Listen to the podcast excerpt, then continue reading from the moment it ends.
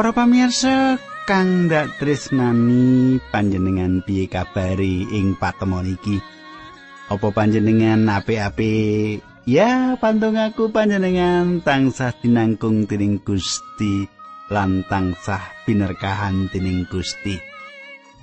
Aku bakal bebarengan karo panjenengan ing sawetara wektu iki ana ing sajroning adicara margi utami. Aku Pendito Pujiyanto matur nuwun karo panjenengan kabeh kang tansah ndongaake aku kanthi mengkono aku sawayah-wayah bisa ketemu karo panjenengan. Sugeng midhangetake adicara iki.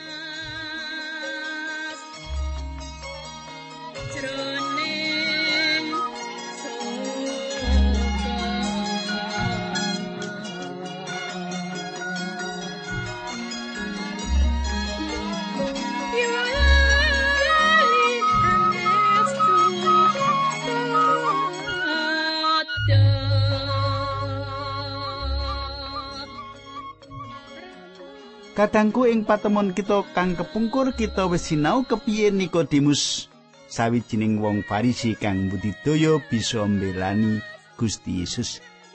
Banjur kepiye terus saka perangan iki kita bakal nyemak nanging sadurunge diterusake monggo kita ndedonga dhisik. Duh Kanjeng Rama ing swarga kawula ngaturaken gunging panuwun menawi paduka kersa dados sambat sebut kawula rinten kalian dalu wonten ing lampah gesang kawula. Kawula matur nuwun Gusti awit paduka berkahi gesang kawula lan tuntuni kawula ing dinten menika supados pangandikan paduka saged kawula tindakaken wonten ing gesang kawula. Dinambaran asmanipun Gusti Yesus Kristus kawula netunggal haleluya amin.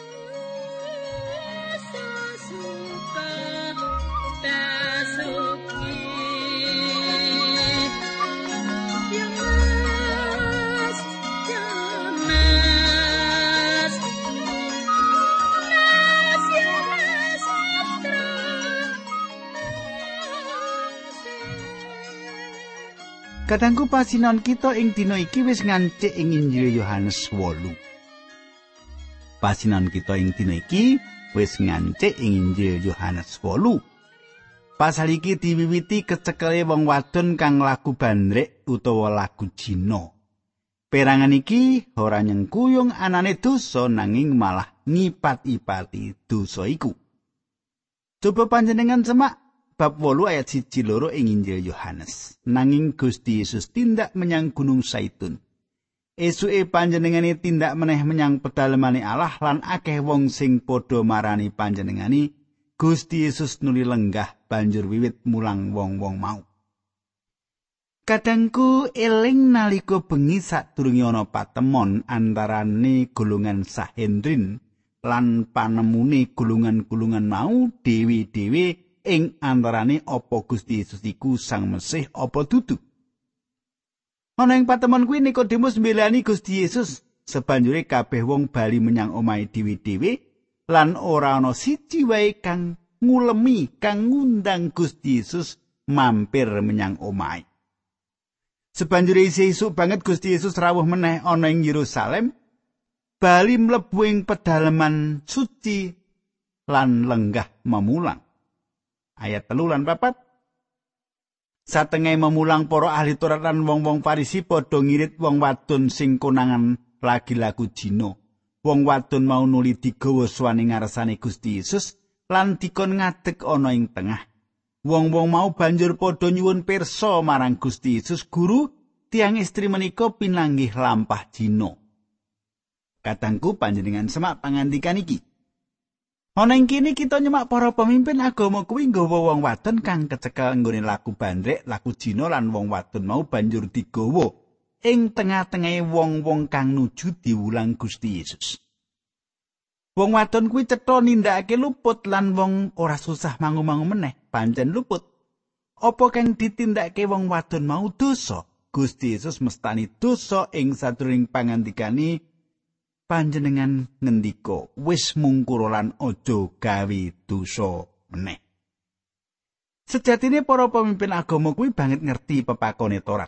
Yen ana wong lanang nindakake cina karo bojone wong liya, yaiku laku cina karo bojone pepadane menungsa, mesti loro-lorone dihukum pati ya sing lanang karo wong wadon kang diajak lagu jino mau. Kaimaman 20 ayat 10. Banjur ana ngendi sing lanang kang lagu jino karo wong wadon kuwi?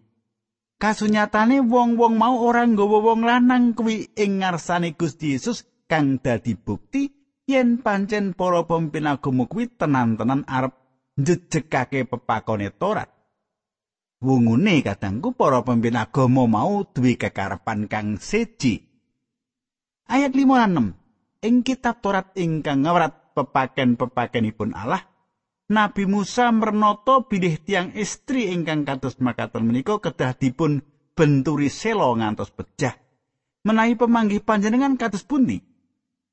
Pitakone para wong Farisi sing mengkono mau kanggo njegal marang Gusti Yesus kenowo kanggo gugat panjenengane nanging Gusti Yesus tumungkul wae karo nyerat ing lemah ngagem driji. Kadangku bener banget apa kang wong-wong mau aturake gegayutan pepakone Musa kuwi. Wong wadon mau kudu dibenturi watu nganti mati. Sejatine wong-wong mau lagi kepengin jigal Gusti Yesus lan gawe panjenengane ngadepi sawijining kahanan kang bingungake. Apa Gusti Yesus bakal lumawan pepakone Musa? Apa Gusti Yesus bakal ngendikake kang beda budidaya kanthi gawe keterangan liya? Para pemimpin agama nindakake mengkono kuwi kanggo nyengkolong Gusti Yesus, kanggo njegal Gusti Yesus supaya bisa ndakwa panjenengani. Wong-wong mau ora tenan-tenan arep ngrajam wong wadon mau, malah wong-wong mau banget kepengin benturi selo Gusti Yesus. Kadangku, kita semak yen wong akeh kang ana ing kono babar pisan ora duwe rasa hormat marang wong wadon iki. Wong-wong mau ngremehake wong wadon mau lan wong wadon mau luwih diwewirang. Gusti Yesus banjur ndungkluk lan nulis sawijining tulisan ana lemah. Iku dadi pratondo yen panjenengane ora melu-melu ing permasalahan kuwi. panjenengane ora melu ndakwa wong wadon mau. Panjenengane malah ora mbudidaya mirangake wanita mau. Gusti Yesus ndungkluk lan nulis kaya-kaya panjenengane ora mireng apa kang wong-wong mau kandhakake. Ing kene kita bisa ndeleng iki siji-siji tulisan ing ngendi. Kita bisa ngerti Gusti Yesus nulis sawijining tulisan. Kadangku, apa kang ditulis Gusti Yesus iku? Panjenengan pirsa? Wis mesti wae kita ora ngerti apa kang ditulis Gusti Yesus. Nanging aku duwe panemu perkara iki. Menawa kita nyemak para nabi, kita bakal nyemak sawijining bab kang banget dening yang semake. Yeremia pitulas ayat telulas. Duh pangeran paduka menika ingkang dipun antos-antos dening Israel. sedaya tiang ingkang ngingkur paduka badhe nandang kewirangan tiang-tiang murtad wau badhe sami sirna kados nama ingkang kasrat wonten ing lebu awit sami nilar paduka atu ing toya gesang. Sapa kang ninggalake Gusti? Wong wadon kang laku jina iku? Iya. Para pemimpin agama iku? Iya para pemimpin agama iku kok manut panemuku iki kang ditulis Gusti Yesus. Panjenengane nggayutake wong-wong mau karo dosa-dosa kang wis kepungkur. Kanthi mengkono nalika wong-wong mau ndeleng tulisan mau, wong-wong mau dielingake babakan dosa kang wis kepungkur lan tundone wong-wong mau siji-siji ninggalake wong wadon mau lan ninggalake Gusti Yesus. Apa kang dadi kengkeraning bumi iki tinar buka tumrap kang ana ing kaswargan. ayat pitu wolulan songo Yohanes wolu. Bareng wong-wong mau padha ngangsek nyuwun wangsulan, Gusti Yesus nulindengenge. Sarto ngendika marang wong-wong mau, sapa ing antaramu sing ora duwe dosa? Ndisi ana mbenturi watu marang wong wadon kuwi.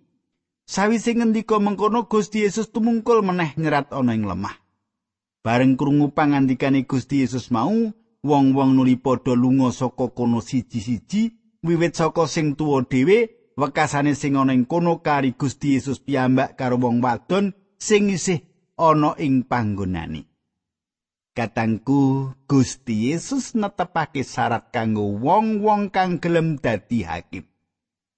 Kita duwe hak kanggo dadi hakim kanggo wong liya. Yen kita wis nyukupi syarate uga. Syarate yaiku kita ora nindakake dosa. Kanggo ku aku ora karep meneh melu nindakake dadi hakim apa meneh nganti melu mbalangi watu.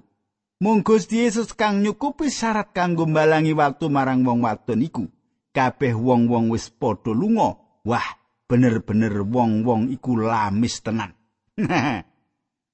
Ayat 10 nganti 11. Gusti Yesus nulis jumeneng lan ngendika marang wong wadon mau. Ana ngendi wong-wong mau? Apa ora ana sing ngukum kowe?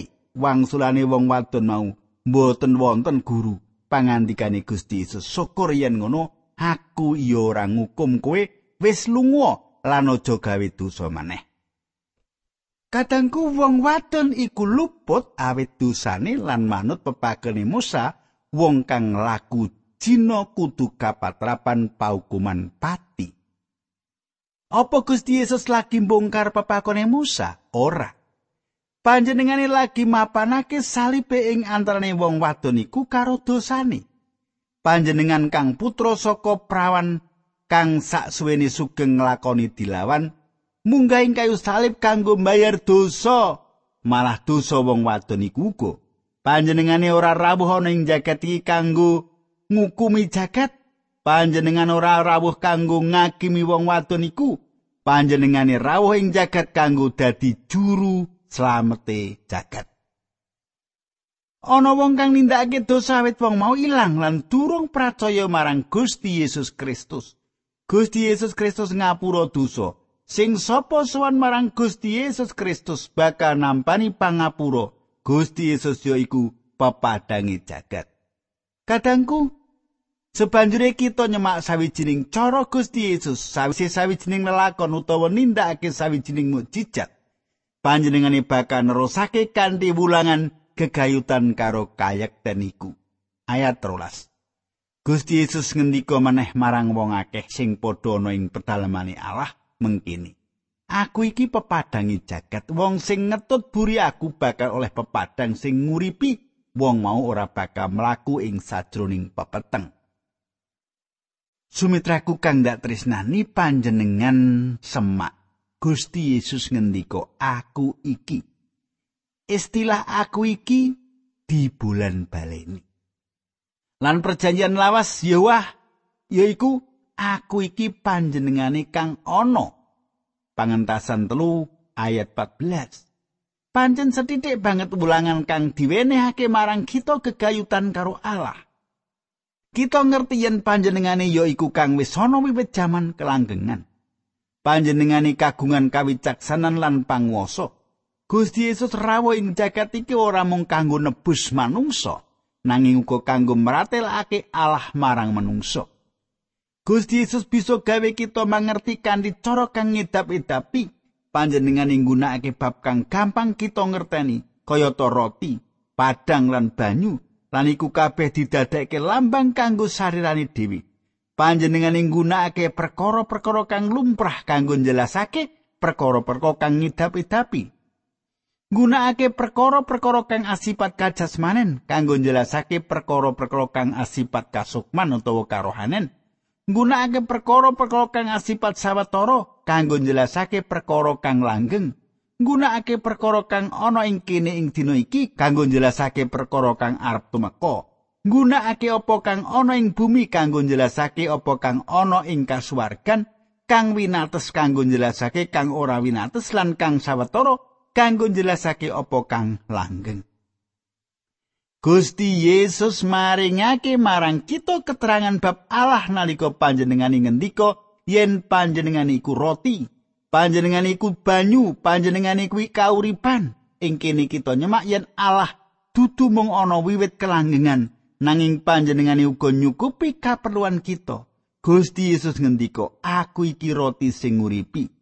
Aku iki pepadangi jagat." Yohanes 8 ayat 13. Aku iki lawangi Yohanes 10 ayat 9. Aku iki pangon sing utama Yohanes 10 ayat 11. Aku iki patangen lan kauripan Yohanes 11 ayat 11. Lan aku iki wite anggur lan kue pang-pangi. Katanggu ing perangan iki Gusti Yesus ngendika aku iki pepadangi jagat. Panjenengane lagi wae buka dosane wong-wong Farisi lan ahli Taurat kang nggawa wong wadon kang kacekel anggone nindakake laku Cina. Awit wong-wong mau uga duwe luput kang padha dikaya wong wadon mau, mula wong-wong mau kudu lunga saka kono. Nalika salah sijine wong nguripake dian mula kabeh tikus, lawa, coro lan tinggi bakal lunga. padang meratelaken dosa kang dadi alasan kenapa wong-wong Farisi lan ahli Taurat lunga saka kono. Aku iki pepadangi jagat. Yo iki pengakon kang luhur dewi kang ditindakake Gusti Yesus kang ditulis ana ing Injil Yohanes. Salah siji keterangan bab Allah yaiku yen panjenengane iku pepadang. Semak siji Yohanes 1 5. Panjenengane ora winates ing sajroning kasucen lan keadilane. Malah padang setara kajasmanen pisan wis cukup angel kanggo dijelaske senadan padang iku sawijining perkara kang banget kita butuhake. Sopo kang bener-bener ngerti tenan bab padang iku? Apa peteng kuwi awit ora ana padang? Utawa koso baline apa padang iku amarga ora ana peteng? Kita asring kondo yen sawijining kamar iku dibai dening sunar padang. Apa to sebenere kang kita karepake kuwi? Kadangku, kita ora bisa mangerti sunar iku apa meneh bocah cilik. Nanging kita kabeh bisa ngurupake sunar iku nalika kita mlebu ing sawijining kamar kang peteng. Gusti Yesus ya iku pepadangi jagat iki. Padha karo srengenge kang dadi sumber padang kadasmanan ing jagat iki, Gusti Yesus dadi sumber padang secara kasukman. Padha karo bocah cilik kang ngrasakake anane padang, Semenuka wong-wong dosa ing jaman saiki, senajan wong-wong mau wong kang ora suci lan wong bodho. Yesaya 35 ayat 8. Wong-wong mau bisa suwani ngarsane Gusti Yesus Kristus. Ana wong-wong kang nampik nampani Gusti Kristus minangka pepadangi jagat. Wong-wong mau mlaku ke bawah padang kang luwih cilik. Alasan kita duwe masalah kegayutan perkara-perkara iku ing jaman iki yaiku awit kita wis nyimpang kadohen saka padang iku.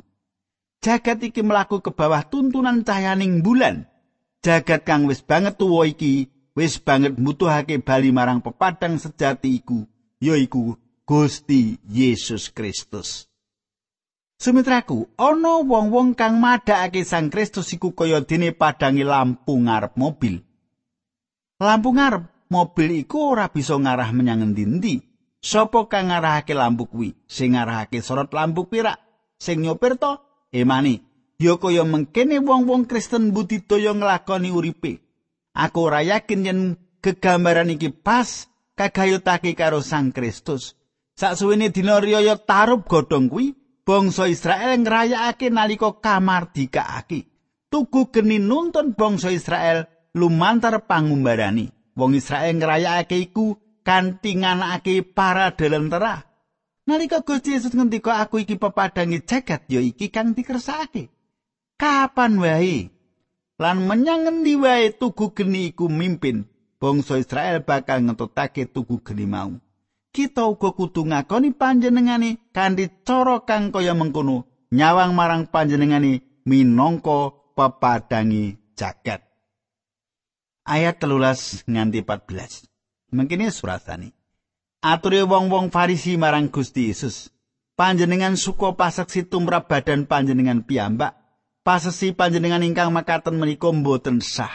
Pangandikane Gusti Yesus, senajan aku nekseni awakku dhewe, ewa semono paseksiku iki bener, sebab aku ngerti saka ngendi pinangkaku lan menyang ngendi paranku, balik kowe ora padha ngerti asaku saka ngendi lan paranku menyang ngendi. Kadangku saiki ana pasulayan kang gawat antarane para pemimpin agama karo Sang Kristus. Para pemimpin mau ndakwa Gusti Yesus lagi umuk nalika panjenengan ngendika manawa panjenengan kuwi pepadangi jagat. Gusti Yesus maringake telung alasan marang para pemimpin mau yen op kang dingendikake kuwi bener. Yen panjenengan kuwi pepadangi jagat kawitan panjenengan ngendika aku ngerti saka ngendi aku teko Gusti Yesus pirsa panjenengane asale saka ngendi lan kanthi mengkono panjenengane wanuh karo badani dewi Kosok baline akeh wong ing jaman iki kang ora ngerti saka ngendi wong-wong mau asali. Ayat 15 nganti 16. Manut carane manungsa aku ora ngadili sapa-sapa. Nanging saupama aku kepeksa kudu ngadili, putus aku kuwi hadil. Sebab aku ora izin Sang Rama sing ngutus aku selawasi bebarengan karo aku. Katanggu pernyataan kang kapindho yaiku yen Gusti Yesus ora ngadili manungsa. Pengadilan kang panjenengan utawa aku tindakake yaiku manut ukurane manungsa. Pengadilan kita banget dening winates awit pancen kita ora paham kabeh lelakon utawa fakta kang ana. Awit pengadilan kita alandasan marang apa kang kelakon kang ora jangkep, mula kabeh mau mung untung-untungan wae. Manungsa mung bisa milih kanggo nampa untung-untungane manungsa utawa nampa pernyataan kang saka Allah. Gusti Yesus ngendikake yen panjenengane ora ngadili manut ukurane manungsa. Panjenengane maringi pengadilan kang asale saka kasuwargan. Panjenengane maringi paningali Allah. Apa kang diaji dening Allah? Iki yaiku wahyu. Lan iku banget dening beda karo cara paningali manungsa. Yaiku sebabe memungsuan saka para pemimpin agama dadi tambah munda.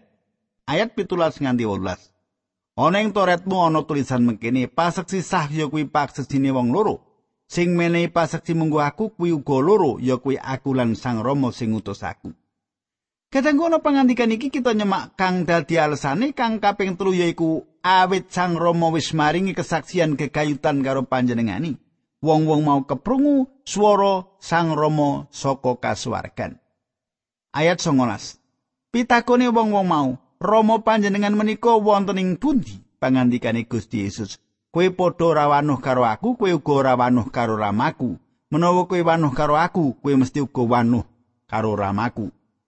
Kadangku wong-wong mau lagi bingung meneh kegayutan karo kelahirane Gusti Yesus. Panjenan katekke Gusti Yesus mestani alaiku minangka ramaku ing sajroning kegayutan kang beda dibandingake karo kegayutan antarane kita karo panjenengani.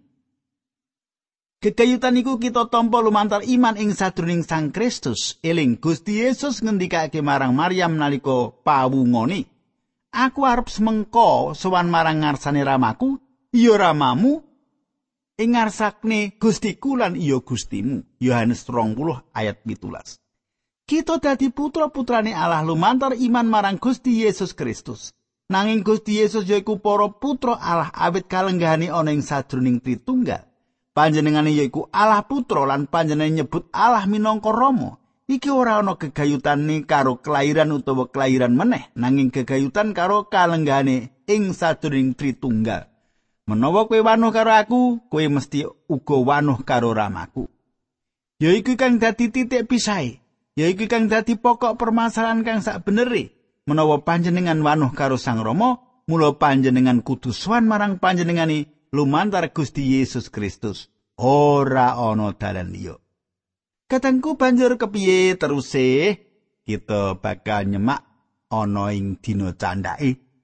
Lan aku nyuwun supaya panjenengan isih kelingan terus lan monggo kita ndedonga. Dukane Rama ing swarga kawula matur nuwun menawi ing wekdal menika kawula saged tetunggilan lan kawula saged sesarengan sederek-sederek kawula ingkang setya tuhu midhangetaken adicara menika. Paduka berkahi Gusti. Dinambaran asmanipun Gusti Yesus Kristus kawula tunggu haleluya. Amin